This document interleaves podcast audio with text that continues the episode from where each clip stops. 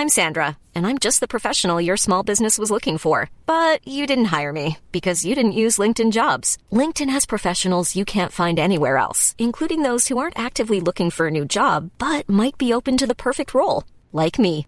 In a given month, over 70% of LinkedIn users don't visit other leading job sites. So if you're not looking on LinkedIn, you'll miss out on great candidates like Sandra. Start hiring professionals like a professional. Post your free job on linkedin.com/people today. Everyone knows therapy is great for solving problems, but getting therapy has its own problems too, like finding the right therapist, fitting into their schedule, and of course, the cost. Well, BetterHelp can solve those problems. It's totally online and built around your schedule. It's surprisingly affordable too. Connect with a credentialed therapist by phone, video, or online chat, all from the comfort of your home. Visit betterhelp.com to learn more and save 10% on your first month. That's BetterHelp, H E L P. A lot can happen in three years, like a chatbot may be your new best friend. But what won't change? Needing health insurance. United Healthcare Tri Term Medical Plans, underwritten by Golden Rule Insurance Company, offer flexible, budget friendly coverage that lasts nearly three years in some states. Learn more at uh1.com. Er du klar for pod, Øystein? Ja, Da er jeg kjempeklar for pod, for nå har vi tatt med oss det mobile Scootspod-studioet, reist ut og rigga oss til på besøk, og skal intervjue en kar som vi har gleda oss til å prate med. Ja, føles litt som eh, er hun der Alice in Wonderland. Ja, Ramler liksom inn i en ny, et nytt univers. et nytt univers. Nå sitter vi her i et helt spesielt univers og gleder oss til å ta fatt på denne episoden. Ja. ja vi kjører på, da. Stupa lall!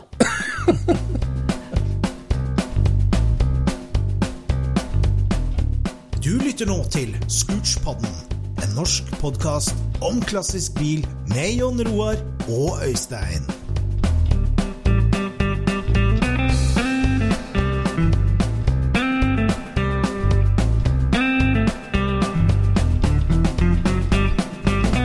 Ok, kjære lytter, velkommen til en ny episode av Scootspodden. Denne gangen har vi tatt med oss studio, rigga oss til i et hjem ute i Sandvika utenfor Oslo. Og her sitter vi omgitt av en fantastisk samling av norske reklameskilt. Og her er det ikke noe repro, her er det originaler.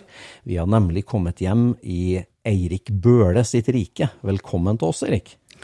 Takk, takk. takk, takk. Veldig hyggelig at du tok deg tid til å innom Scootspodden.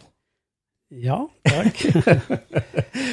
For Eirik Bøhle er jo mannen bak en av Norges mest spesielle og mest særegne og imponerende bilsamlinger.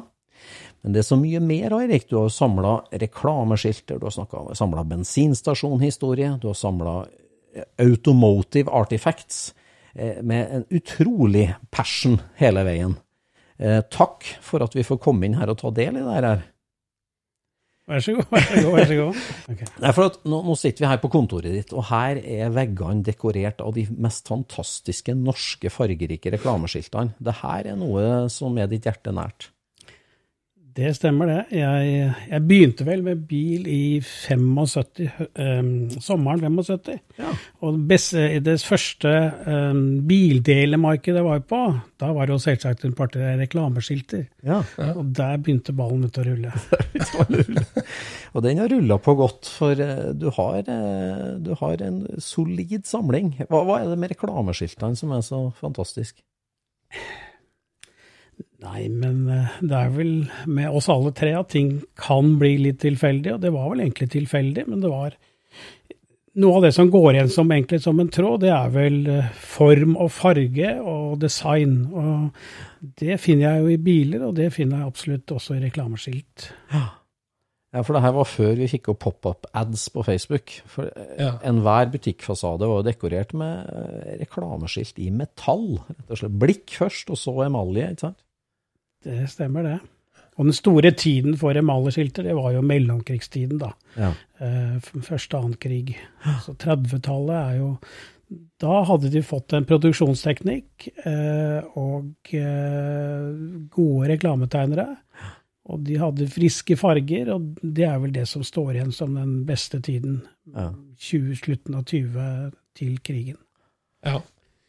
Nydelige. Ja, når du sitter her sånn, så blir du helt slått i bakken av hva, hvor mye energi de har lagt i disse reklameskilta. Ja, det, var, det er jo egentlig som med bil, at eh, en arbeidstime den gang av en arbeider, som det het, eh, det kosta ikke så mye. Nei. Derfor kunne du putte mye energi og mye håndverk Ja. som du ikke kan gjøre i, med dagens eh, storproduksjons... Mm. Eller i dagens storproduksjonssamfunn, da. Fantastisk, altså. Men den sommeren i 75, da, når du dro der opp på det markedet, hva var det som dro deg dit? Liksom? Hvorfor eh, Hva var det du var på jakt etter da? Jeg var vel 17 og et halvt. Eh, Jeg hadde ikke sertifikat. Eh, Skal vi, jeg kan jo si hva det begynte med. Jeg, en kar i klassen min han var fem-seks måneder eldre enn meg. Eh, Og da mm, skulle jeg være med, og det var jo kult da å slenge seg i en bil, og han hadde en, en Mini. Så jeg var med han. Det var jo noen selvsagt noen deler, for dette var jo en gammel, søplete bil. Så det var jo alltid noen deler og noen saker som skulle fikses. Så jeg var med han bort, og der sto det en gammel A-Ford. Rett frontrute og skygge, skyggelue, holdt jeg på å si. Skygge. Og det fascinerte meg veldig. Og samme kvelden så fikk jeg jo tak i hvor den bilen kom fra. For der hvor den bilen kom fra, der var det flere biler. Og den måtte jeg besøke. Men hadde du eh, gammelbilsinteresse allerede da, eller tentes den der og da? Overhodet ikke. Den Nei. tentes egentlig der og da. Ja. Og tilbake til du spurte om skilter. For da var det sånn at på det første delemarkedet jeg var, samme sommeren i 75, der var det noen skilter som jeg ble fascinert over. Så da, Ja. Og det, det har jo egentlig gått hånd i hånd hele veien. Ja. Men er det på en måte de norske tinga der som, eh, som trekker deg? Altså norsk historie? Mye norsk historie, og på skilter så er det norske skilter. Og Ja. så syns jeg det er veldig kult også da med, med norske biler, eller en spesiell tilknytning eh, til Norge. Og det har vi jo ikke for mange av, eller for Nei. mye av. Nei. Ja, Så du var med og skulle handle minideler, kommer opp på et tun som 17,5 år, der står det en A-for, og smekk, så blir du bilinteressert, liksom. Jeg syns den var så herlig, med rett frontrute, sånn opp- og ned-bil, som noen i dag vil kalle stativ eller et eller annet. Ja, ja. Den hadde den fine skyggen. Ja. Og jeg kan jo si hvem som eide bilen, eller, for jeg snakket jo med eieren av bilen, for dette var jo på bilverksted. Ja, sånn, Og han hadde jo kjøpt den av en herr Halvdan Prøsch. ja. Og, i og i den garasjen, der var det eh, Fortalte han meg flere biler. ja. Og da måtte jeg undersøke det, for jeg var jo født nysgjerrig. Ja. ja, det har prega livet ditt, tenker jeg. Nysgjerrigheten og det å ja, alltid interessert og alltid på søken. Men så, da kom du deg hjem da i Og Prøsch-familien, Gerhard og, og Halvdan, var jo eh, pionerer i Norsk veteranklubb og et veldig kjent navn. Så du kom opp i garasjen der da og ble helfrelst? Ja. Jeg husker eh, Så enkelt. en bil han hadde, men jeg ble ikke med den bilen. Det var en eh, Ford V835 med et engelsk karosseri. Jeg husker, enda at eh, karosserimakeren var Wood at Lampert. Ja. Eh, men det syns jeg så litt tung jobb ut, og det var det også. Men endte du opp med å kjøpe deg bil av han, eller? Nei, Nei. men så var det litt Tolsby og litt forskjellig. Jeg husker jeg var med Tolsby. Vi var nå så eh, faktisk hos Arthur Moe i Sande. Han også er en av de tidlige eh, pionerene. Så Så gikk du fullstendig om bord her nå? Du reiser jo rundt alle de store, jo. Ja. Men den gangen så var de var jo, holdt på å si, blant oss. Ja, ja. Eh, Men hvordan ble en, en 18-åring mottatt da, liksom? Nei, det var jo så enkelt om å prate med folk, da. Så det fungerte bra. Ja. Men var det mange 18-åringer som reiste rundt for å se på Nei. sånt, eller var det deg? Nei, det, det har jeg aldri reflektert over, men det var vel kanskje ikke det. Det er klart når jeg var Jeg husker jo den gangen så var jo klubbmøtene i NVK, de var jo på Ramstadsletta. Og det var vel egentlig en eldre guide den gang også, i større grad. Ja. Eh, Det var det vel kanskje, uten at jeg har tenkt så mye på det. Nei, nei. Den første bilen hva ble det da? Nei, det var en A-Ford. Det var en A-Ford. Jeg endte opp med en A-Ford firedørs. Ja. Og så tok det jo da Meldte jeg meg inn i A-Ford-klubben. Meldte jeg meg inn i Drammensklubben. Men nå er vi på 6-77 nå, eller? Eh, Ja, 5-76. ja, ja. Så allerede første sommeren så hadde jeg vel, skjønte jeg jo da, i mitt enfold den gang, at eh, det var jo artig med å få litt vind i håret. Det vil si at det fantes jo kabrioleter. Ja. Så, -hmm. så, ja, så da, gjennom A-Ford-klubben og så videre, så ble det jo en A-Ford Faten. Ja. Og den jeg kjøpte Det er mulig vi var i 76. Jeg kjøpte i hvert fall A-Ford Faten av, um, av um, Rust i Hokksund. Ja, Ja. akkurat. Skjønner. da? Det var en tidlig en AR. Ja. eh, rødt ratt og venstre brekk. Ja, den um, Det er Favorittbil. Ja. Men så, vet du, så var det jo noe som het toseter. Ja. Med, med svigermorsete. Det måtte jeg jo ha. ja. Så da var jeg på jakt etter det, da. ja. Var dette her ting du tok med deg hjem, eller hva, hva gjorde du med disse Ja. Og så, heldigvis eller dessverre, så bodde jeg jo litt landlig til. Det vil si at det var jo ikke så Det var vel et par kilometer til en eldre dame som hadde en låve. Ja, ja, ja. Og da var vi i gang. Da var det Ok, så første låven var etablert allerede før du var 20? Men vi snakker om kjørbare biler nå? Eller? Nei, Nei? ikke i nærheten. Å nei, såpass, ja. Første kjørbare bilen, det var en eh, 34-modell Nash. Ok. Var Hvor langt ute i rekka var den? Nei, det var vel Den kom vel i 77, kanskje. Noe sånt. Var det den som kom fra Syrstad, eller? Eh, nei, Nei, nei. Syrstad overtok den etter Ja, meg. sånn var det. Sånn Ja. var det, ja, akkurat. Da driver du også og kjøper restaureringsprosjekter, da? Er det det du gjør, eller kjøper du for at det er akkurat den rette bilen, eller hva er det prisen, eller hva er det du tenker på der? Eh, Jeg hadde jo ikke mye penger, jeg, så jeg måtte jo begynne et sted. Så det jeg Ja. begynte med, var på en måte å eh, Nei, det gikk vel på at man hadde en drøm, og så Ja. så man jo for seg at man skulle Skru det sammen? Ja, og sitte og kjøre det, kanskje. Ja, ja, ja. Så de første bilene var jo, kall det delehauger, basket case, eller Ja, hva det okay. Ja, ja, okay. Ja, ja. Og så ble det 34 Nash, og det er jo en hyggelig første kjørebil, da. En dobbelttenning og Ja da. stas. Så den kjøpte du helt ferdig? Eller hva var Nei, en ja, det var en originalbil som var serva litt, så den var god kjørbar. Ja. Ja. For hele tida her sånn, så snakker vi om Du drømmer om å få det originalt, liksom? Det som er gått igjen hele tiden, jeg har jo alltid likt originalt urørt. Mm. Uh, ja, faren min er fra landet. Han var glad i rosemaling, treskjæring og den type ting. Så jeg tror nok jeg har litt i bagasjen der, at det skulle være litt rotekte. Ja, ja, ja. Ja, ja. ja.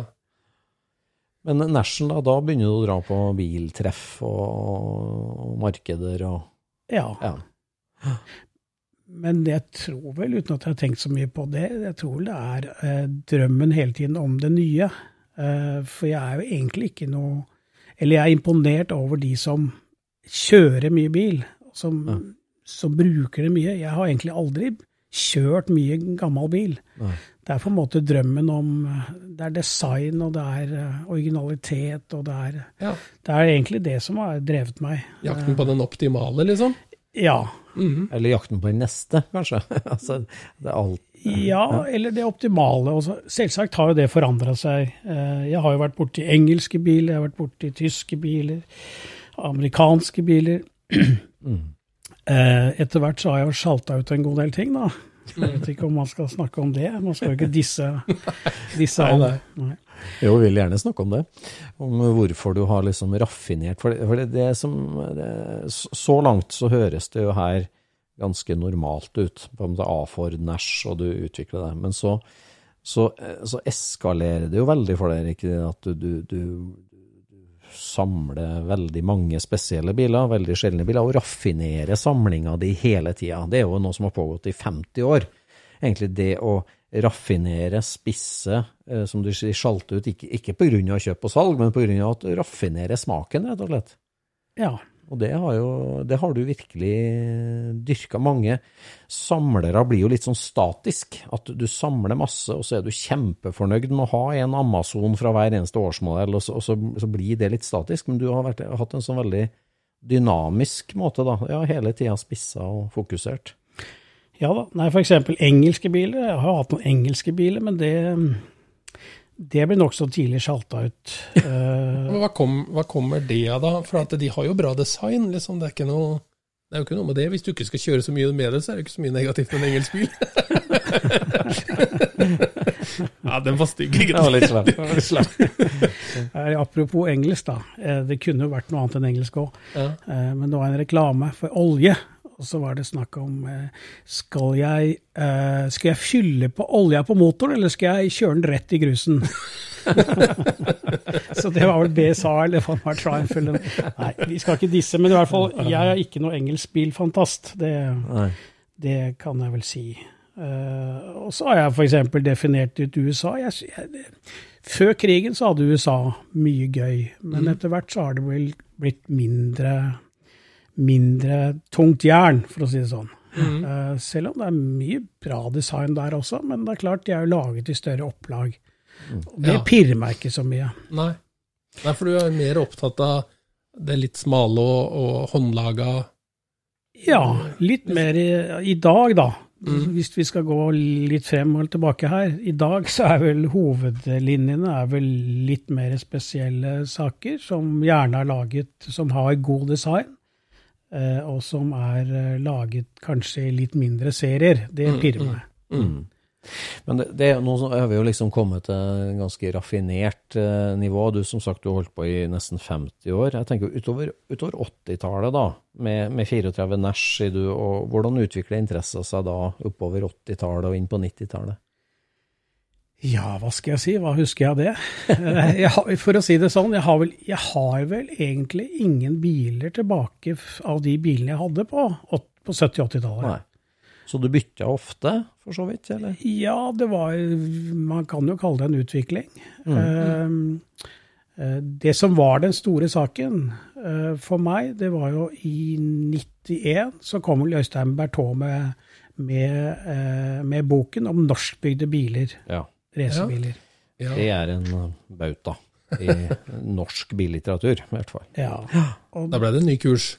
da ble det en veldig ny kurs, eh, som også vel satt litt av føringen for, eh, for, eh, for eh, resten, resten av det. Mm. for det det gikk på, og det jeg fikk tenning på, det var jo at jøss, har de laget eh, biler i Norge? Ja. Eh, hadde jeg vært eh, tysker eller engelskmann med så mye bilhistorie, men det har vi jo ikke.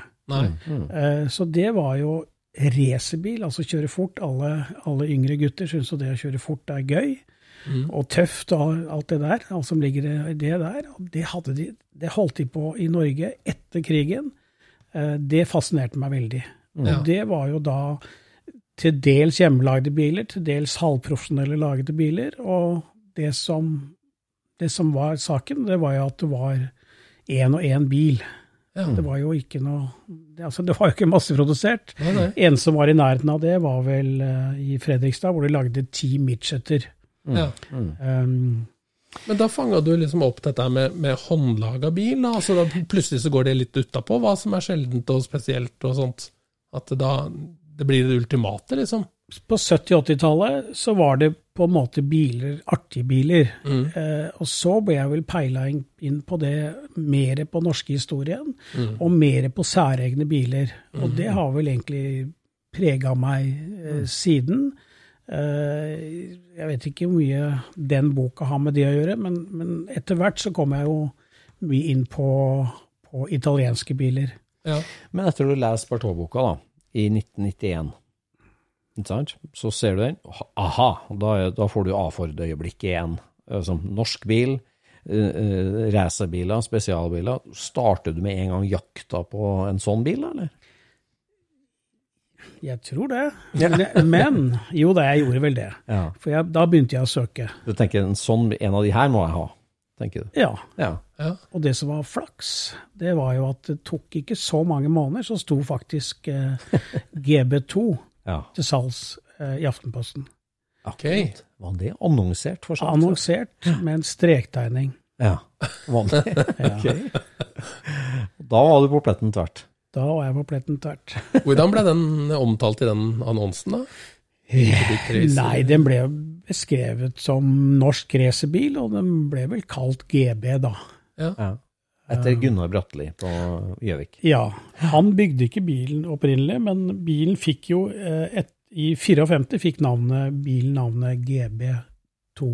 Ja. Ja. Det var Gunnar Brattelis bil nummer to, eller racerbil nummer to. Og GB2 er jo en av de mest kjente nordisk spesial. For nordisk spesial, du får si litt om den klassen, som, den racerbilklassen som dukka opp etter krigen. Ja, det forteller eller det fortjener å, å få mer omtale enn som så. For strengt tatt, i 54 så var Nordisk spesial gått ut. Mhm. Nordisk spesial det kom i 49 sammen med Formen-klassene. Og det, det siste året de kjørte, var egentlig 53. Men du hadde den auraen, du hadde disse eh, racerbilene som kjørte enten i tolitersklassen eller i 4,5-litersklassen. Um, og, og det holdt de egentlig på med, for det var jo, det var jo noe som Vi hadde jo noen besøkende i Norge. Eh, Vi hadde en krig. Ja. Uh, og ikke bare Norge, det var jo Europa var jo satt tilbake. Mm. Uh, Så det var jo ikke så mye biler å få kjøpt, og heller ikke racerbiler. Mercedes kom vel tilbake uh, som uh, racerbilprodusent. Det var vel i 253, eller kanskje det var 54. Ja, det var vel noe der. Og Alfa, for eksempel, som var de store før krigen, de, de var jo også godt utpå godt ut på 50-tallet, før de kom tilbake. Og i de årene der så gjorde man mye, både i Amerika, med litt hotrod, og du er liksom litt i, i den samme familien, eh, og til hva de bedrev her i Norge. Um, Ja, og da, da, er det jo dette man tager hva man haver-prinsippet. At liksom det ble øh, de største motorene og de enkleste rammene og, og hjulopphengige som man fant på en måte etter krigen på skrotplasser og forskjellig, V8 Ford spesielt selvfølgelig, som ble basis til de her racerbilene. Ja, men det var klare klasser, eh, så man måtte på en måte forholde seg til de klassene. og Det var som sagt 4,5 eller 2 liter. Og den typiske vinnerbilen, det er som du er inne på, det er jo Ford V8. Det var en sterk motor, eh, lett eller billig kjøp, og forholdsvis lett å finne. Ja. Eh, I toliterklassen så var det råeste du kunne få, det var jo BMW 328. Ja. Den var, jo- hadde jo da ja, det var jo en toliter eller 1997 kubikk eller hva det var. Så den, det var det optimale der. Men hadde du lov å stille opp en vanlig fabrikksbygd bil, eller måtte det være hjemmelaget? Nei da, nei da, absolutt. Du kunne kjøre, bare du kjørte i klassen, så kunne du stille. Du kunne kjøpe Ja. deg til, men tidlig 50, hvem eh, hadde de Nei, pengene, på en måte? I, hvert fall ikke i Norge. Nei. Men selv om du hadde penger da, Mm. Eh, så var de fleste teambilene de var jo, det, det var jo ikke noen teambiler, de var, de var ikke i produksjon. Nei, nei. Eh, Fabrikkene var utbomba. Mm, mm. Ja. Og en av de mer legendariske norske bilene det her, er- det, Vi har tenkt å lage en egen pod-episode om akkurat det her, for det er jo kult med det at Norge hevda seg så bra, og hele miljøet rundt Fram Motorkompani som bygde flere sånne biler, som du er ekspert på, Erik, så vi må få deg tilbake til en egen episode om akkurat det her. Ja. Ja, Når du nevner Fram, så må du også ringe Greger Strøm. Han var jo en unik person som vi kan komme tilbake til. Men du snubler da, eller Aftenposten-annonsen, GB2, en av de absolutt mest meritterte og spennende bilene, du blir eier av den, og det starter jo en helt ny epoke i samlinga di, på en måte, med at du da dykker ned etter de norske spesielle bilene. Ja, og du kan si at GB2 var eh, Den var vel den bilen som vant mest i Norge på 50-tallet. Um, men den, kanskje den mest kjente bilen i Norge, eh, det er jo Snøhvit. Mm. Og etter jeg hadde kjøpt GB2, så begynte jeg å søke etter den, og jeg fant jo ut hvor den var. Den var jo solgt til Sverige, selvsagt. Og den var solgt til Sverige allerede i 1950. Ja. Så det, der syns jeg jeg hadde en misjon, eller hadde jeg også en plan, for ikke å være så tung i, i språket her. Oppdrag for Norge. Oppdrag for Norge, kan du si. For den hadde, den hadde faktisk svensk flagg på torpedoen. Ja. Og det kunne du ikke ha. Nei. Nei, men i hvert fall. Den ble solgt og funnet i Sverige og bygget opp. Eh, Jeg holdt vel på seks-åtte år for å få kjøpt den bilen. Å, ja, såpass, ja. Ja. Så Og det fikk jeg til. Men den hadde jo da ja, Den hadde vel egentlig mer historie i Sverige da enn enn den hadde i Norge? Så det ble vel vanskelig å overbevise om at den skal tilbake til Norge, sikkert? Nei, jeg sa til han, eh, denne svenske mannen, da, at eh, er det én ting som er sikkert dere eh, jævlige svensker, dere har så mye bilhistorie at er det én bil som skal tilbake til Norge, så må det være Snøhvit. Det, det, det, det må både du og bare dere forstå. Så jeg var Jeg, jeg prøvde å være litt hard i klypa. Så. Men ok. Ja da, nei da, men vi hadde et godt forhold, så han, eh, han fleipa litt med meg eh, et par ganger. Han sa at brevid tele, telefonen så står ditt navn om jeg skulle omkomme. Ja. Så min, min fru kan ringe deg direkte, faktisk. Så. Men uh, hvilken tilstand var den? Var den kjørbar og, og sånn, Den, eller? den var kjørbar og restaurert, Ja. men eh, der har jo jeg litt sykdom, så jeg syns jo mange av de bilene som såkalt er restaurert, kanskje ikke er helt restaurert. Nei, for det, saken er jo det at du skal vel gjerne ha den tilbake til sånn den så ut når den var i Norge, da. Ja. Ja. Yes. Ja, jeg syns at akkurat det prosjektet der, Erik, det, det, eh, det illustrerer litt hvordan du har bygd samlinga di. For at mange eh, har bygd ei stor bilsamling med å, å få tak i mange biler og sette dem sammen, på en måte, men du har jo, du har jo raffinert opp og bygd opp og foredla så mange av de her bilene til et sånt nivå som er bare intet annet enn veldig imponerende. Altså, det, det, det er mange fine biler, og du har gått skikkelig i dybden. Og det gjorde du med Snøhvit òg, som var en fullt kjørbar historisk racerbil, men du, du river den i fillebiter og bygger den opp på nytt igjen, egentlig. Ja, men det var, det var ikke riktig. Og jeg liker jo det jeg liker jo Eller det var detaljer som ikke var riktig, da. Det hadde Ja. noe med luftinntak foran over grill osv. ja. Um, Som du ville endre på, sånn at han blei lik som det han hadde vært? ja, for jeg, jeg liker jo gamle foto. Jeg syns jo det er veldig gøy å, å vite noe om bilen. Jeg har jo f.eks. skaffa meg alle raceprogrammene disse bilene har gått. Så jeg har på en måte Ja. Og når du har gamle foto og vet hvordan du skal være, så, Da er det ikke gøy å se at det er annerledes. Nei. Nei. Nei, så den tok jeg tilbake, da. Det var vel egentlig Årets... Men den hadde vel på en måte mista patinaen sin da, på veien, eller åssen var det? Den bilen mangla vel egentlig bak, eller rumpa. Det Også var, ja, den bilen var vel et sånn passe Eller til å være racerbil, for racerbiler Ja. eh, er jo gjerne burned out veldig. Ja. Eh, Den var vel passe bra, men den mangla noe av karosseribitene bak, eh, bak setet. ja. Eh, og så var det vel noen som hadde i bilens senere år, eh, på slutten av 50-tallet, hvor den gikk de siste løpene, så hadde det vært noe av, av eh, grillen forandra, da.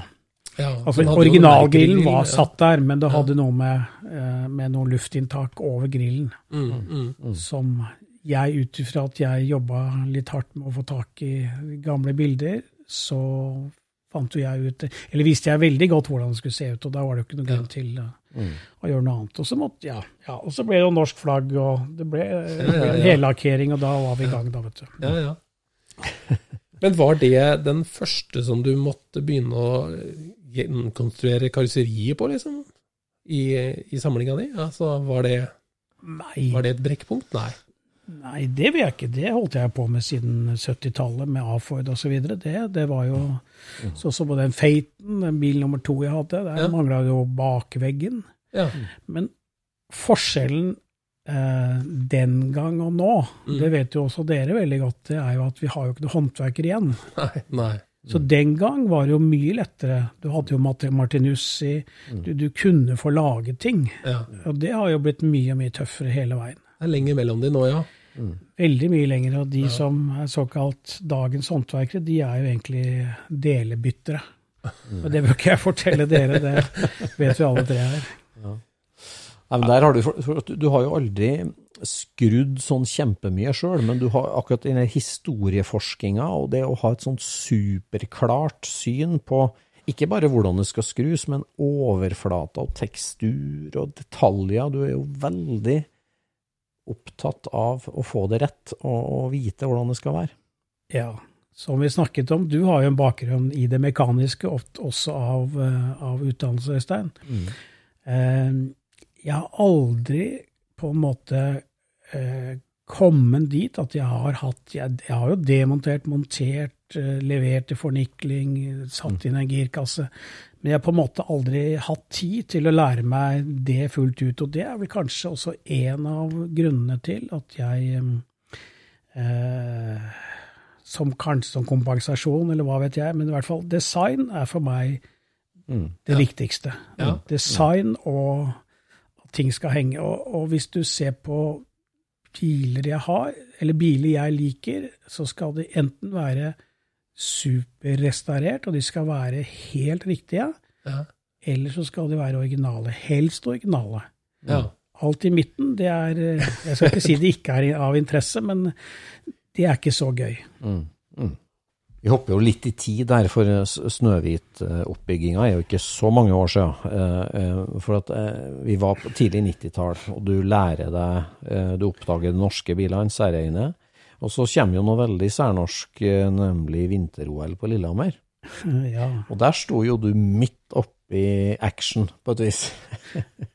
Da hadde jeg vel eh, litt bakgrunn og litt flaks. Jeg hadde noen enerettsavtaler som gjorde at jeg faktisk, eh, på et tidspunkt hvor markedet var nede, så hadde jeg faktisk tjent noen penger som gjorde at jeg kunne kjøpe en par-tre interessante biler fra utlandet, bl.a. en Gullwing. Ja, for det tenker jeg på. Du er en hardtarbeidende mann, eh, og, og du har samla for å bygge deg opp og bygge deg opp, sånn som mange bil, eller, altså, flere bilentusiaster. Og plutselig altså På Lillehammer så var det jo det her med pins, ikke sant? Du endte opp midt oppi det der. der. Og, og, og greie å få de ressursene som skal til, så er du en bilentusiast som plutselig kan velge fra altså ikke øverste hylle, kanskje, men en, en hylle høyt på veggen, og kjøpe nesten hva du vil, skal vi si. Da Du overdriver litt nå, men du vet, hvis vi tenker tilbake, da, så var det Det som var det heldige, var jo at jeg fikk da tilgang til penger eh, den gang i forbindelse med OL. For jeg hadde en del enerettsavtaler, og så solgte jeg firmaet rett etterpå. Eh, den gang så kosta en gulving under en million, gutter. Mm. Under en million kroner. ja, ja. Så ehm, ja, da kunne man jo handle. Så jeg kjøpte egentlig to interessante biler. Jeg kjøpte en bra Ferrari og, og den, eh, den gullvingen. Jeg syns det er så kult, det der. For, at liksom det er sånn, for meg også er det sånn at hvis jeg vinner i Lotto, så skal jeg kjøpe en 300 SL. Og, så, og du vant på en måte i Lotto, og så kjøpte jeg det. Altså det, At det er så kult å kunne gjøre det, eh, og ha muligheten til det. Det, altså I ettertid det var jo ikke så mye, så mye penger som, som jeg la opp de to-tre årene sto på. Men det som var det aller, det, den største lottokupongen, var jo det at bilmarkedet gikk helt i dass. Akkurat da. Akkurat da! Akkurat. Ja. Og det var det som var spesielt. Ja. Så begge de to unike bilene som i dag er verdt uh, mye penger, Ja. begge de kosta jo godt under en million. Men du må jo klype deg i armen når du kjøpte den der eh, Mercedesen. Ja, Altså, det var jo vært eh, veldig artig å liksom plutselig ha muligheten til å gjøre det. eh, ja. Var det en, var det en bil du hadde liksom leita etter? Åssen var det? Åssen gikk du fram for å finne en sånn? Eh, um, Eller så du den bare i et nei, blad? nei, nei da, nei da, nei. Altså, jeg var jo på bilauksjoner, da, for jeg hadde jo ikke så mye kontakt ute. Nei. Så begge bilene, egentlig begge bilene ble vel ikke solgt på auksjon. Så kjøpte jeg det etter auksjonen. Ok. Um, Så det var ikke en sånn spur of the moment-ting heller? Det, det var liksom med overlegg du kjøpte de? ja, Ja. det var det jo. ja. Nei, men det var jo Ja, man, man er jo leken. Og jeg kunne være litt leken, da. Ja, ja, ja. Sånn, sånn kjempekult. Farve var den Mercedesen, da? Eh, uff, ja, den var jo hvit. Nå holdt jeg på å si, nå skal jeg ta være brife litt og si fargekoden. Det var, ja. Den heter 50D eller G50. Ja. Ivory. Mm. Ivory. Ja. Ivory. Mm. Herlig. Hey, I'm Ryan Reynolds. At Mint Mobile, we like to do the opposite of what Big Wireless does. They charge you a lot, we charge you a little. So naturally, when they announced they'd be raising their prices due to inflation, we decided to deflate our prices due to not hating you. That's right. We're cutting the price of Mint Unlimited from $30 a month to just $15 a month. Give it a try at mintmobile.com slash switch. $45 upfront for three months plus taxes and fees. Promote for new customers for limited time. Unlimited more than 40 gigabytes per month. Slows. Full terms at mintmobile.com. Hi, I'm Daniel, founder of Pretty Litter. Cats and cat owners deserve better than any old fashioned litter. That's why I teamed up with scientists and veterinarians to create Pretty Litter. Its innovative crystal formula has superior odor control and weighs up to 80% less than clay litter. Pretty Litter even monitors health by changing colors to help detect early signs of potential illness. It's the world's smartest kitty litter.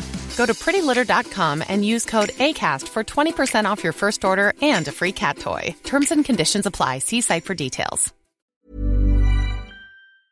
Ja. Men samtidig så går jo jakten videre på flere norske biler. og Er det, er det på tida der omtrent at den rallyen dukker opp, eller er vi på sent 90-tall da? Ja, for da kan du si man må spire med disse norskbygde bilene eh, tidlig 90-tall. Eh, da var jeg, hadde jeg veldig fokus i den retning. Og på den veien som du er inne, så dukka jo Lysell eller Rally Lysell opp. Um, og det trodde jo jeg egentlig. For det jeg fikk høre, var at det var en spesialbygget på, basert på V8. Så jeg trodde jo at den bilen var en racerbil.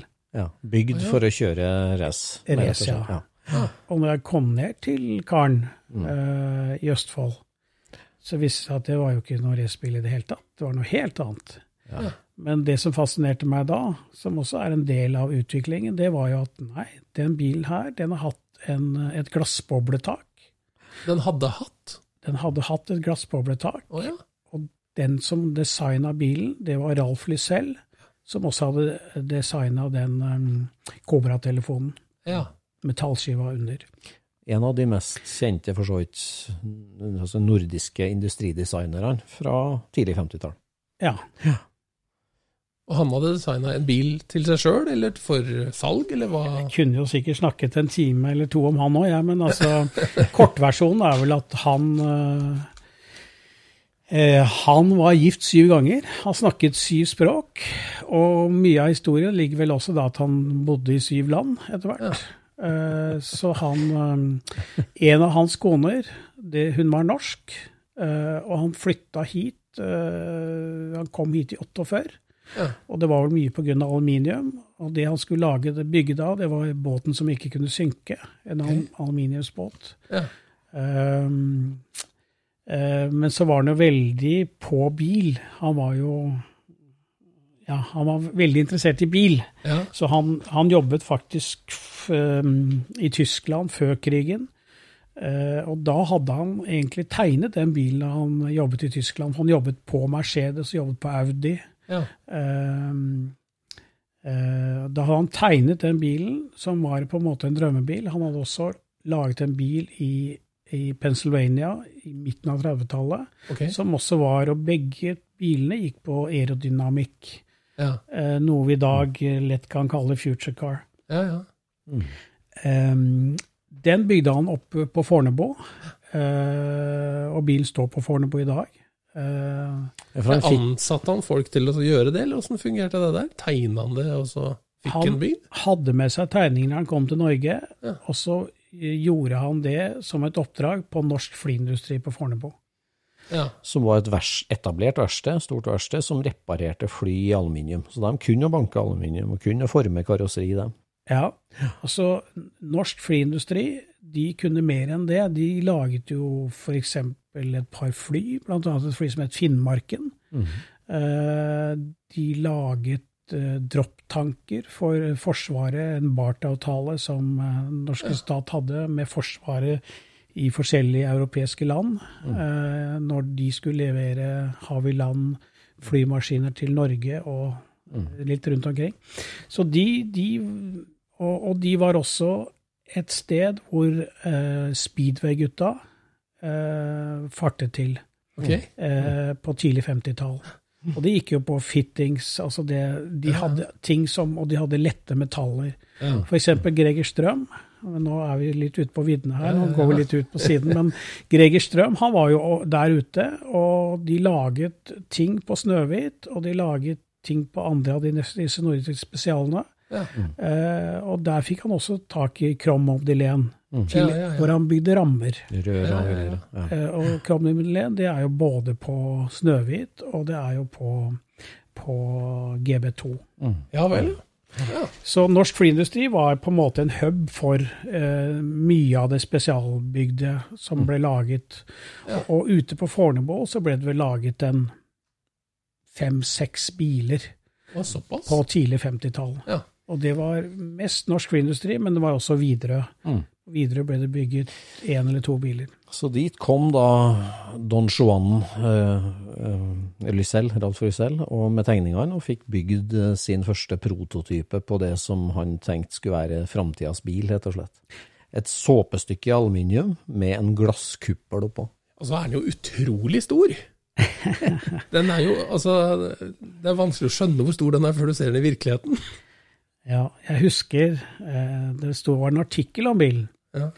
Og der så sto det, så begynte jeg å lese, så leste jeg en bil, eh, den er farlig på veien, tenkte jeg, hva fanken er det han journalisten gjør og skriver om? Men det han mente å si, det var jo at bilen var så spesiell at folk mista jo konsentrasjonen. At den i så måte var farlig. Nei, altså han, er, han peker jo, eh, både fordi at den er brei, og at den er glassboble, at den er i aluminium, så Ja. Mm. det Men det er, var jo ganske lang aksjeavstand på nå. ja, bilen er vel nokså nøyaktig fem meter lang, tenker jeg. Ja, Men så er han er jo nesten to meter bred. ja ikke sant. Så Og der ja, tenker jeg da det prosjektet før, da, ja, da var vi en del sammen, Erik, og, og jeg fulgte, fulgte det prosjektet. og Jeg tenker måten du går i detaljene der på, igjen hyllemeter på hyllemeter med litteratur og bilder og, og bakgrunnssjekk. Og så gjør du det grundig, for du, du fant, det var jo et lik du henta i Østfold der. Og du har jo virkelig gitt den bilen alt det han fortjener, med å bygge ting som egentlig nesten bare var på tegninger, som kanskje aldri ble bygd. virkelig. Du har raffinert den og detaljert den helt utrolig flott. Og, Ja. og, og ja, så, nå sitter vi rundt et bord her, og her står det altså en modellbil som et tysk firma på eget initiativ fant på at han skulle lage. Det er jo en helt utrolig designobjekt, denne bilen. ja. Mhm. Og, og det, er- det er de tingene som etter hvert uh, Som jeg syns er gøy å holde på med. At det er uh, f.eks. tysk bil, det er jo dritkjedelig. Nei, det, dette er planlagt. Men leggen var vond! Dette er planlagt. Dette er planlagt, Øystein. Nei. Nei, men det det går om, er jo Hvis jeg skal si noe om tysk bil, da. Skal jeg gjøre det? ja, ja, er Får jeg lov til det? fritt fram. Nei. Tysk bil. Altså, de lager jo fantastisk gode biler. Eh, de bare har laget litt mye. For eksempel en 911. De har laget én million jævlig skall av 911. Hva er gøy med Nei, jeg skal ikke si det. Jeg vet det er masse spesialmodeller. Og jeg selv har jo vært inne på å kjøpe en 65-modell og 901 og Ja, ja. har sett litt i den retning. Men ja. For å dempe meg litt, eh, så Nei, nei, si det som det er nå. så, så er det litt sånn at eh, det er ikke det som fascinerer meg mest. Um, um, som mekaniker kan jeg forstå at du, Øystein, syns eh, tyske biler er osv. For de er jo, det er jo godt håndverk. Men de er litt trauste. Og så er det, men traustheten kommer jo også veldig mye av at det er laget i stort opplag. Uansett om det er folkevogn, eller om det er, eh, om det er eh, Porsche 911 eller hva det er, så er det store opplag. Ja. og Det er ikke det som er mest sjarmerende. Det er, jo, det er jo lett å glemme at eh, Porsche produserer flere biler i året enn Ferrari har gjort det nå. Så det er, det er på det nivået der omtrent. Ja, ta for, ta for, eksempel, ta for eksempel Maserati. De begynte i 22. Ja. Når de fikk Når de laget sin såkalt første masseproduserte bil, som var laget i 1700 eksemplarer, men det hadde også noe med krigen å gjøre. Men fra 23 til slutten av 56 så hadde de laget noe sånt som 160 biler. så vi snakker nivåer her, altså. Ja, Ja, ja, ja, ja. Men Ja, altså, du, du gjør litt, litt narr av masseproduserte biler. og Nei, du har jo mange... Jeg gjør ikke narr av Nei, Jeg snakker nei. bare om hva som er Ja, ja, ja. ja. Nei, at, for jeg tenker at samlinga di i dag, Erik, eh, du har mange unike biler, men du har jo også altså, eh, Vi var ute i garasjen din, her står det en, en Fiat 500 fra hva er det, midt, eh, slutten av 50-tallet? begynnelsen. Ja, begynnelsen av 50-tallet. En, en varebilversjon av Fiat 500. Det er jo ikke, eh, det er jo en masseprodusert bil, og jeg husker, du husker når du kom hjem fra Italia, med Emil, for du var på delemarkedet i Italia, går rundt en sving, plutselig så står den der, og den snakker til deg på en måte som gjør at du må kjøpe den. Ja. Og, og det er ikke bilmodellen, men det var, det var liksom noe med tilstanden og følelsen. Men hva er det med, hva er det med bil som snakker sånn til deg?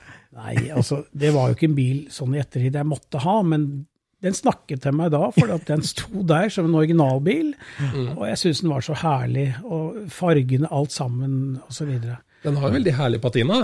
Det har altså, den. den, eh, den ser jo veldig ekte ut. Ja, og så tenkte jeg bak for eksempel en, eh, en annen litt stilig italiensk bil, så står den der som en andunge. Så jeg tenkte litt sånn, Komplementær bil. ja, Ja. Det er Altså en grønn, ikke sant? nei, er ikke det? den er ikke grønn. Nei. Nei, den har faktisk to beigefarger. Ja, det er akkurat. Nei, for, for grønn har jo alltid vært en sånn greie for deg at grønne Jeg husker du var og så på noen andre Fiater, og plutselig kom du hjem og hadde kjøpt deg Fiat fra 30-tallet som bare fordi den var grønn, og så fin grønnfarge på. Ja da, nei. Ja, det er noen, det er noen farger, men alle ja. Nei, jeg er opptatt av design og farger, det må jeg Ja, si. men dette her med, med patinaen og liksom sånn følelsen på den bilen, når eh, Har du hatt det siden starten, eller har det kommet litt sånn skliene etter hvert? Dette er jakten på det originale overflaten, liksom? Nei, men altså Jeg liker jo gamle rosemalte skap. Altså, jeg er jo, det er ikke det at jeg samler på den type ting, men jeg er jo jeg har jo vært innom en del andre ting, og det som går igjen uansett, det er jo det, er jo det originale som Altså Det har på en måte alltid vært der? Ja. Så du har aldri liksom hatt et sånn kjempebehov for å restaurere absolutt alt? Nei. Nei. Det, Men hvor, hvor dårlig skal det være før du liksom sier at dette her må restaureres? Er- Hvilket nivå er vi på da? Det har vel forandra seg litt opp igjennom. Nå kan det, nå kan det faktisk være nokså dårlig. Ja, det Kan være litt slitt i kanten? Ja. Mm. Og, og jeg syns det er veldig sjarmerende. Du har jo raffinert den patina eh, lysten Altså, jeg vet jo du har eksperimentert masse, bare apropos emaljeskilt og blikkskilt, da, med hva slags olje og, og polish gir, tar frem fargen, bevarer det godt. Så du har jobba mye med de originale tinga dine òg. Ja. Ja. Hva er det du bruker på skilt, da? Nei, altså, Ola eh, Borge Ola Borge? Ja, Mm. han, eh, han, eh, han sa olivenolje. Olivenolje, det kan du bruke til alt. Ja. Så det det går på, er jo at uh, uansett om det er malte flater på blikk, reklameskilt eller på bil, du må på en måte fòre det med noe. De må få tilbake litt spensten. Og det er klart, og enkelte farger, når de blir tørre, så går de over i matt. F.eks. blå. Eh, Ja. Så hvis du fòrer de litt, og det gjelder også skinn og forskjellig, Ja. hvis du fòrer litt med rett type olje, så står de fram på en helt annen måte. Ja, ja, ja. Sånn er det. Sånn. For eksempel woodgraining, for eksempel. Hvis du har en, et dashbord, woodgraining fra 30-tallet, Mm. og det er liksom matt og litt trist, eller litt sånn gråtone, Mm. hvis du gir det litt uh, av den rette oljen, Mm. så står det fram på en helt annen måte. Du får et helt annet spill Våkner litt til liv igjen? Ja, det Ja. våkner til livet. Mm. Den, ikke den siste olje, men eh, ja. Ja, det vet en aldri. Nei, for altså, samlinga eh, har jo, som du sier, du, du har raffinert deg veldig, eh, som det er en, det er en fokus, det, det, det er fokus på design, men har jo også en bredde. altså du har, Det er jo ikke lenge siden du hadde både messingbil og Lamborghini Contach i samme garasjen. Og det, det er det er nei, nei. 100 års spenn. Nå, nå må vi ta Contouch. Hvordan, hvordan kom Contouch inn i den rekka her, Erik? Nei, det hadde vel med Italia å gjøre. Og det hadde vel med at det, jeg syns at jeg hadde litt gammel bilpark på et tidspunkt. uh, og så hadde jeg kom til å sjekke ut. Ja, ja, sånn, ja. Må ikke ja. le nå, altså. Nei, men altså, jeg tenker, hvis vi hadde la- laga en linje her sånn fra neandertaler til eh, oppegående mennesker, på en måte, over din bilsamling, så plutselig så er det en kontasjert langt ut i rekka, så står det plutselig en Vedshape fra Italia. Altså, kom da interessen for Italia først, og så fant du ut at det råeste italieneren har produsert, eller en av ikonene fra Italia, er Contouchen, og derfor så må den være med? For meg så måtte den være med, for at den er så, den er så spesiell. Når den kom i 71, sto på i Genéve um, Det var jo en ufo. Tenk, Ja, hva, var, hva var på veien Ja. uh, i, i de årene? Så kom, Det er den første supersportsbilen. Ja. Ehm, nei, det, jeg følte at jeg måtte ha Kall det en ny, eller noen nye koordinater i, i, i den, i den ja. Men husker du at du så den som 15-åring eh, den gang da, liksom? At, eh, at du tenkte at fy fader, en sånn skal jeg ha en gang. Jeg har hørt mange har snakket om at de hadde både damer og biler på, på gutterommet sitt sant, på det. Altså, mange 80-tallet. har jo hatt det. Ja, jeg tror det, men, men jeg var ikke helt der. For Nei? da, nei, da var jeg på gammel bil. Ja, Du var allerede der? Ja, men, men det er på en måte noe som har utvikla seg på 90-tallet utover på 2000-tallet. Ja. At, at jeg syns det med bildesign er, eh, Ja, er ja. interessant. Ja, Er det noe du har analysert deg fram til? At det er bildesignet du, eh, som fenger deg? Altså, for at Først så samla du jo på biler Ja. og, og prøvde å finne den rette bilen, ikke sant? Og så plutselig så ser du at det, dette her er litt for mainstream, og dette her er litt sånn, og det her er litt sånn. Og så, så som Øystein sier, du raffinerer det du er interessert i. Du klarer å definere hva du er interessert i, og til slutt så skjønner du at det, det er jo design jeg er opptatt av. Eller? Jo, det, vi kan godt si det sånn. Dere prater så mye, gutter. Nei, altså jeg, har, jeg har ikke, er ikke så analytisk, men det som er helt klart i dag, det som interesserer meg mest, det er, det er vel egentlig bildesign. Og, og så fascinerer det meg veldig at det er um, at det er eh, laget i små serier. Ja, ja. Og, og spesielle trekk eller eh, ja. Veldig ofte så henger jo de to tinga sammen. Altså For å få et helt rått design, så kan du ikke masseprodusere det. Ikke sant? Det, er, det blir veldig vanskelig å masseprodusere noe som er helt rått. ja da. Bortsett fra bobla, da.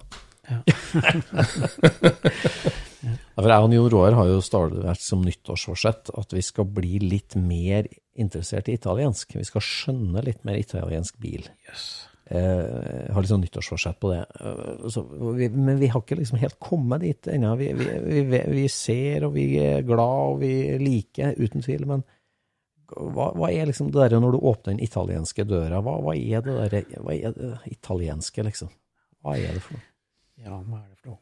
Um, jeg har jo en Alfa fra 1950, uh, som er en, en spesial. Mm. Ehm, da måtte jeg jo kjøpe Alfa-boken, eh, som en som heter Anselmi har, eh, har laget. Eh, og den Alfaen vi snakker om, det er en 2500 som er laget fra 38 til 52. Mm. Mm. Den, han, Anselmi, han har laget en god del bøker. Han, var en, han er, eller var, jeg tror faktisk ikke han er blant oss lenger.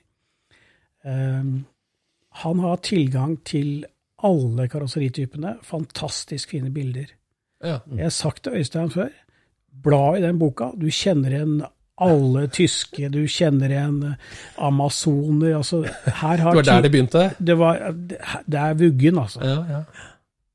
ja. Og det er ikke det, det, Men du må bli tørr bak øra, Øystein, for, for å Så alt kommer fra Italia, egentlig? Nei, alt Nei, men sånn som vi, da, som er eh, så gamle som vi er, dere er vel litt yngre enn meg, gutter, eh, men uansett, eh, det var jo masse gag og fleip at sørkoreanerne og japanerne, de var jo De stjal jo design, mm. så videre. Det har man gjort opp gjennom hele tiden. ja, ja. Eh, og det er jo ikke tvil om at europeisk eh, em, bilprodusenter Ja. har stjålet alltid detaljer eller ja, detaljer eller sågar nærmest hele biler fra Italia. Det, Ja. det er min påstand. Det er, eh, om det ikke er helt sannferdig, så er det ikke langt unna. Ja, men så henger det jo litt sammen nå, da. For at eh, vi snakker jo nå om design. Og design har de jo alltid vært gode på i Italia. Ja. Så når de andre stjeler designet og setter det på, sin, på sitt understell, så blir jo det ja, Det blir jo kanskje kjedelig, men, eh, og det blir jo litt eh, Det blir jo plagiat, på et vis. Ja. Men eh, det er vel ingen som noen gang har sagt at italienere ikke lager pene biler? Nei, men de lager mye annet pent òg. Det er litt som at i Norge så er vi jo flinke til å gå på ski. Mm. Hvorfor er vi flinke til å gå på ski? Uh, vi bør ikke snakke mer om det, men, men i Italia så de, har de alltid vært flinke på design. Mm. Og de har jo hatt designskoler, de har, har hatt på en måte et eh, Ja. De har, Men det, det har vært håndverk der nede, uansett om det er Ja. sko, vesker eller hva det er. Eh, de, de har en raffinade. Ja, så blir det jo sagt at de har passion. Ja. Men altså, å forstå passion fra utsida, det er vel egentlig det som ikke går an. Mm. Det er veldig vanskelig å skjønne passion hvis du ikke er en del av det sjøl. Er det ikke det? Jo, det er sant, ja. Så hvor kommer passion for italiensk bil fra? Eh, Min passion? Ja, for eksempel. Nei, det er jo så enkelt at jeg Når du er Hvorfor skal man Nei. Jeg jeg vet ikke om hva jeg kan tørre å si og ikke, men hvorfor skal man egentlig bedrive noe annet enn italiensk bil? Du har jo alt! Nei, men du har jo alt. Du har eh, design, du har sjeldenhet, Mhm. eh, og du har en raffinades osv. Det er klart eh, Jeg har jo, jeg har jo også eh, Jeg har jo både amerikansk bil, jeg har én amerikansk bil, jeg har en fransk bil.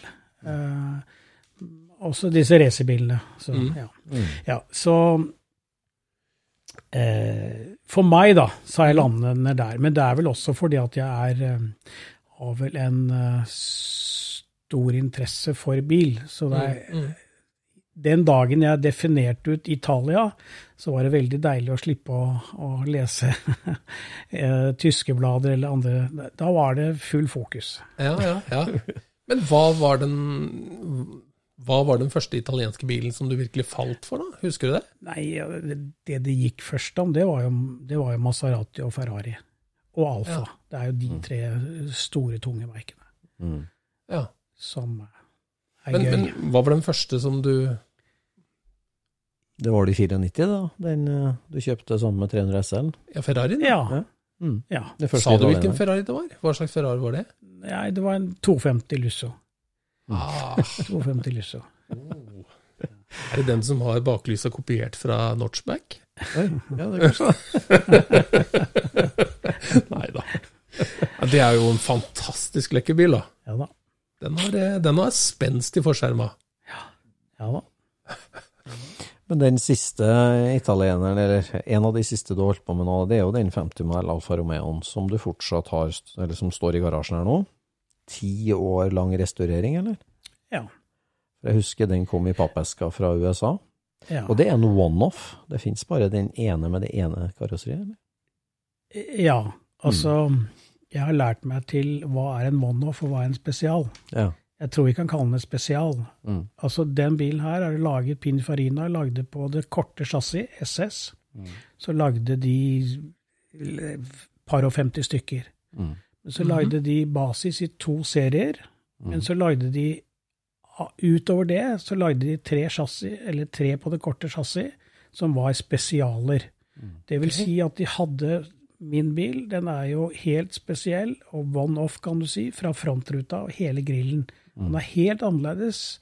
Både panseret, skjermene, det skulpturelle, grillen f.eks. er helt annerledes enn alle de andre. Men det jeg har lært meg etter hvert, at det er ikke da en one-off, det er en spesial. Akkurat. Ah. Det er litt forskjell på Men det. er det kunden som har kommet med Eller er det designeren som har funnet ut at vi prøver igjen sånn, eller? Det, det vet jeg ikke, men jeg kan jo si hvem som var første kjøper av bilen. Ja. Ja. Første kjøper av bilen, eh, jeg husker vel ikke navnet, eh, men han var eh, Ja, jeg vil vel si han var playboy. Han, bodde, han var jo italiener. Han kjøpte flere biler fra Alfa. Han hadde tidligere kjørt Alfa, altså race, på, for Alfa-teamet på Ja. 30-tallet. Ja. Og han var den første som hadde et Ferrari-team eh, i 47. Ok. Eh, og noen av de som var på de teamene, det var noen østeuropeiske eh, fra noen kongedømmer og noen sånne diffuse saker, okay. som sikkert var med og sponsa livet hans. Ja. Så jeg vet ikke om han fikk spesialsydd den bilen etter sitt ønske. Nei. Men det du kan se på bilen, det er jo at uh, grillen og fronten, det er jo en del preg som de har tatt på senere biler. Ja. Så da kan man jo stille seg spørsmål om det er han som har så videre. Ja. eller om det er Alfa som ville prøve ut uh, Litt sånn konsept, konseptaktig? Ja. ja. Og den restaureringa altså, Snakk om nuts and bolts. Dette var jo helt fra bånn av og opp. Og jeg vet hvor mye igjen, så viser du liksom den grundigheta der, Erik, med at øh, altså, du, du er nede på Jeg husker du var langt inne i kantsying på teppene og teksturen på det tekstilbåndet. Altså, du er jo helt oppi det på detaljene, og du, du følger jo det prosjektet med ja, hver eneste skrue. Altså, selv om du har gode håndverkere som har gjort det, så er du så inni det at det er bare imponerende. Bare å ta av seg hatten. Altså. Ja. Og for restaurering. Og det ble jo krona nå med Norges første invitasjon til Pebble Beach. ja. Som vi må si er det ypperste du kommer i eh, matkjeden i bilverden. Det er bare å gratulere. Jo, men jeg har ikke vært der. Du har ikke vært der, ja? Nei, nei, jeg kan jo si nei. Altså, jeg ble jo um, um, i, I 19, eller var det 20, uh, så, hadde, så var det satt opp en Pininfarina-klasse. Mm. Så den kom inn i den klassen, og det er vel åtte-ti biler, da. Så var den plukket ut i den Pininfarina-klassen, og dessverre så var det noe som heter covid. Ja. Og da ble det jo ikke noe, da jo ikke noe USA-tur. Men det var jo noe jeg så veldig frem til. Men hvordan kunne amerikanerne la den bilen glippe, da? Altså, jeg tenker på når du kjøpte den. Ja, jeg kjøpte den jo i San Francisco. Ja. Mm. Men det må jo ha vært et, eh, det må jo ha vært et race, eller, var- eller var dette her en bil som du klarte å finne ut om, som ikke var på markedet, eller åssen var det? Den var akkurat kommet inn. Jeg hadde jo litt kontakt. Jeg hadde kjøpt en bil tidligere fra, fra, fra, eh, fra Fantasy Junction i San Francisco. Ok? Så jeg hadde Så jo litt kontakt, var- så det var, den var kommet fra en gammel farbror der borte, Ja. som hadde hatt bilen i veldig mange år. Mm. Hadde den blitt kjørt, og var den amerikanisert, eller åssen så den ut? Nei, den var helt urørt. Ja. Øystein sier at han var så dårlig. Han var egentlig ikke så dårlig, men, eh, men det var absolutt full, full jobb. Mm. Ja. Ja, ja. Eh, men det som var det fine med den bilen, var at den var aldri skrudd på. Nei. Han hadde tatt motoren, og det hadde han ikke gjort riktig, men han hadde tepper, eh, originalkalesje var der. Ikke noe var i bra stand, men du kunne, Kunne se åssen det var. ja, du kunne Ja. telle opp fingrene dine og se hva det, hva det egentlig var. Ja. Hva er det vi snakker om? Hva er det for slags motor? og... Nei, det er en 2,5 liter. Alfa lagde Alfa vant jo mange løp, eh, de fleste løp. Det var vel den store racerbilen på 20- og 30-tallet. Ja. Eh, Men de laget jo også, etter hvert, da, så laget de også serier med biler for vanlig mann i gata. Ja. Og da brukte de jo basis i Og de ja. Ja, det var jo ja, og Det er jo i den her også. Så det er en 2,5 liter. Mm. Men det er klart det var jo tatt ut mer av, eh, av racerbilene. ja. Men eksempel den her, de lagde jo de lagde jo en som var stor tung, og den het S. Og så lagde de en som het SS Ja. på det chassiset. Og dette er en SS, og så det er det korte chassiset, og den har da tre forgassere. Okay. Så, så den her var på en måte tilnærma litt racerbil, selv om den Ja. ikke var tatt ut fullt. Uh, Vet du hvor mye effekt det er i den, da? Eh, Ja, nå på sparket så husker jeg ikke hestetallet, men er det 160? Ja. Det er faktisk Du må Er det et aluminiumskarosseri, eller? aluminium, ja. Ja. Men hvordan er det nå med sånn som det prosjektet der, da, masse jakting for å få tak i den, og så er det forskning på historie og første eier og alt sånt, og, restaurering, og det er en veldig artig fase, ti år med, med og, og nå er den helt ferdig. Nå står den i garasjen her, og er altfor fint å kjøres. eh, på en måte. Hvordan, eh, altså, i, i et, et bilprosjekts liv, hvilken fase er det du liker best, eller eh, Altså, hva nå? Med den bilen, da? Hva nå? Jeg håper jeg får kjørt litt med den, men, men eh, det er litt sånn at nå er, nå er det litt over, Ja. på en måte. Nei, altså det er, jeg overdriver litt nå, da. For, Ja, ja. Men, eh, men den artigste fasen er jo høstingsfasen, når du får, får tak i bilen. Og ikke minst fasen når du utvikler bilen. Får den opp å stå og graver her ned i detaljene. Det er, eh, det er en veldig artig fase. Ikke det. Vi snakka jo om den Fiat 500 som komplementær til, den, eh, til en annen bil. Eh, Hvor hører den alfaen hjemme hen, da, føler du, i verden? Altså, skal den være her oppe? I Sandvika? Eller skal den være Bør du ikke ta den med deg til Capri, liksom? Ja, nei, ja, altså jeg skal, jeg skal jo gjøre noe med den. Jeg har, jeg har vel litt lyst om kanskje å prøve å vise den fram i Italia. Ja. Det har jeg lyst til. ja. Jeg lyst til. Hvor, hvor brenner eh, hjertet ditt til nå, da, kan du si, når det er, det, det er stadig nye prosjekt og nye ting. Det vet jeg. Du er ferdig med en nydelig Contouch, du er ferdig med en nydelig Alfa. Hvor er det du bruker mest av biltida di nå? På hvilket prosjekt? Jeg har holdt på med en, en Maserati noen år, så Mhm. det er vel den Mm. Det er vel der jeg legger litt passion. Ja, det er ikke hvilken som helst Ferrari, eh, Maserati heller. Det er jo en Nei, det er laget, det er en, det er laget ni stykker av. Ja. Hva snakker vi om da? En, vi snakker om en eh, 56-modell. En, eh, en Frua Spider, som det heter. Ah, Så de laget eh, På A6G så laget de eh, par eller 64 biler fra 49 til 56. Okay.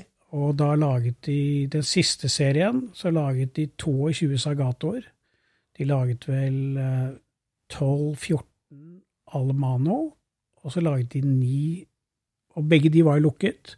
Og så var det frua, som var han som sydde dressen på, på kabrioletene, eller toseterne. Ja. Så da er det frua Spider. Men er det da eh, Nå vet ikke jeg helt hvordan, hvordan dette fungerer, men frua han er jo en designer. Tar han den inn og så bygger karosseriet på sin fabrikk, eller hvordan fungerer det? Har han bare levert tegninger, eller hvordan? Det var veldig forskjellig, men han, ja. fikk jo bygget det på sin fabrikk etter Ja. sine spek, sin spekk, ja. Ja. Men det var jo også andre designere som bare nærmest solgte designet, og så var det Ja. andre som bygde, bygde Men sånn eh, å ettergå en italiener Altså, altså dokumenterer de uh, alt de gjør, eller, eller er det som med alfaen her, at det var veldig viktig at ingen hadde rørt den, for ellers så er det ingen som finner ut åssen det var? I- eh, Jeg tror jo det at eh, det er mer dokumentasjon på en uh, tysk bil, f.eks. Ja. eh, Men det er veldig forskjellig. Ja. F.eks. Sagato er jo kjent for å være det råeste og det fantastiske osv., men egentlig Sagato er jo dårlig håndverk. Ja, det er det. Eh, Nei, ja, ja, nei. Altså, det er jo, de lagde jo linjer. Ja. Eh, men de, de skulle ha platen så tynn, det skulle være så tynt at det var eh, Det var, ja, sånn, ja. Det er ikke Altså, varig. det var ikke håndverksmessig det beste. Nei. Eh, ja. Ja, ja. Akkurat. Ja, Nei, det er veldig fascinerende, Erik, synes jeg, det der med at du eh, altså bare sånn når vi, når vi kommer inn her i garasjen din, så gleder du deg jo Du er jo like ekstatisk om ei lita oljekanne fra et rart norsk bensinfirma fra 1912 eh, som du er for den derre uh, Alfa Romeoen. så, så du er jo så lidenskapelig med alt det disse tinga du har rundt deg. For meg er jo det normalen, så jeg kan ikke uttale meg om det. Da. Så, Det er herlig. Det er herlig. Det var fantastisk å få et innblikk i ditt rike her, Erik. ja. Det her har vært eh, en ordentlig reise. Og så får vi jo litt, litt eh, lyskespark og litt sånt i, i retur òg. Ja, vi gjør det. Det er litt spennende. Jeg har blåmerker på leggen, jeg, altså. Jeg har det. Det kan vi trenge, Øystein. en Ja, gang vi gjør det. Vi trenger å bli satt på oss litt. Så eh, det var veldig, veldig hyggelig. Og så har vi jo en avtale, det var at vi kommer tilbake med mikrofonene her og, og snakker litt om, om, om nordisk spesial. For vi har ikke vært innom alle du har, og vi har ikke vært innom alle som, som finnes og som fantes, egentlig, av dem heller. Så eh, dette har vært veldig lærerikt og hyggelig, Erik. takk. Yes. Takk for besøket. Takk, takk. Vær så god. Yes. Scootspodden produseres av SSC Media, med god hjelp av VV Norge og Trond Dahl for hosting, Knut Micaelsen for musikk. Abonner på Scootspod via podcaster eller Acast, og følg Scootspod på Instagram og se det vi snakker om. Der kan du også komme med kommentarer og innspill, og fortelle oss hva du vil høre om.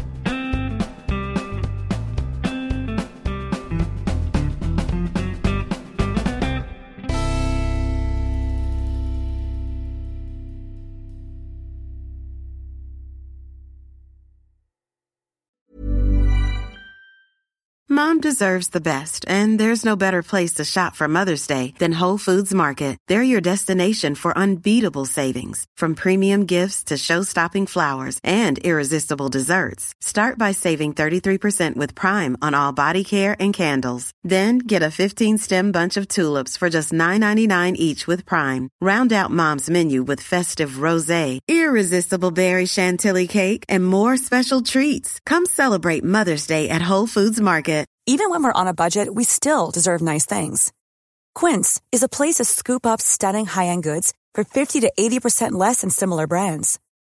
They have buttery soft cashmere sweaters starting at $50, luxurious Italian leather bags, and so much more. Plus, Quince only works with factories that use safe, ethical, and responsible manufacturing. Get the high-end goods you'll love without the high price tag with Quince. Go to quince.com slash style for free shipping and 365 day returns.